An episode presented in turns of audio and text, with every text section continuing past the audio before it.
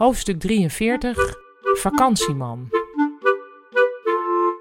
Kim was een dag eerder terug dan verwacht. Kaaf, ik heb je zo gemist, riep ze uitbundig. Hoezo? vroeg Kavia.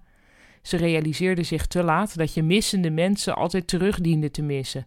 Was het niet leuk op Curaçao? Jawel, zei Kim, maar ik heb dus wel twee weken tussen mijn schoonfamilie in de bloedhitte gezeten. En tussen Stanley's kinderen. En zes kilo eten per dag per persoon. Ik ben, geen grapje, drie kilo zwaarder geworden. Nou, welkom terug, zei Kavia. Ik ga dus alleen maar sla met citroensap eten en genieten van de rust. De deur ging open en werd met een klap dichtgeslagen. Dag rakkers, klonk het. Ha, Ruud, zei Kim. Ook weer terug? Nee, ik zit nog op de camping, schamperde Ruud. Ja, ik ben er weer.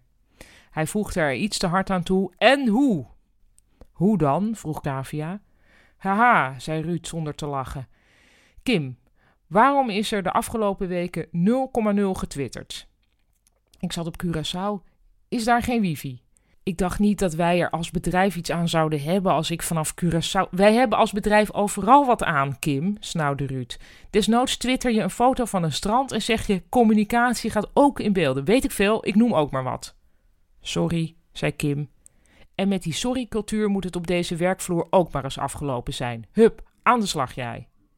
Kim pakte haastig haar telefoon uit haar tas om iets te twitteren. Heb je een, een fijne vakantie gehad? vroeg Kavia voorzichtig aan Ruud. Ik ben geen vakantieman, antwoordde hij. Ik ben meer van aanpakken. Kavia keek wat Kim ondertussen getwitterd had. Een foto van een strand. Er stond bij: communicatie gaat ook in beelden.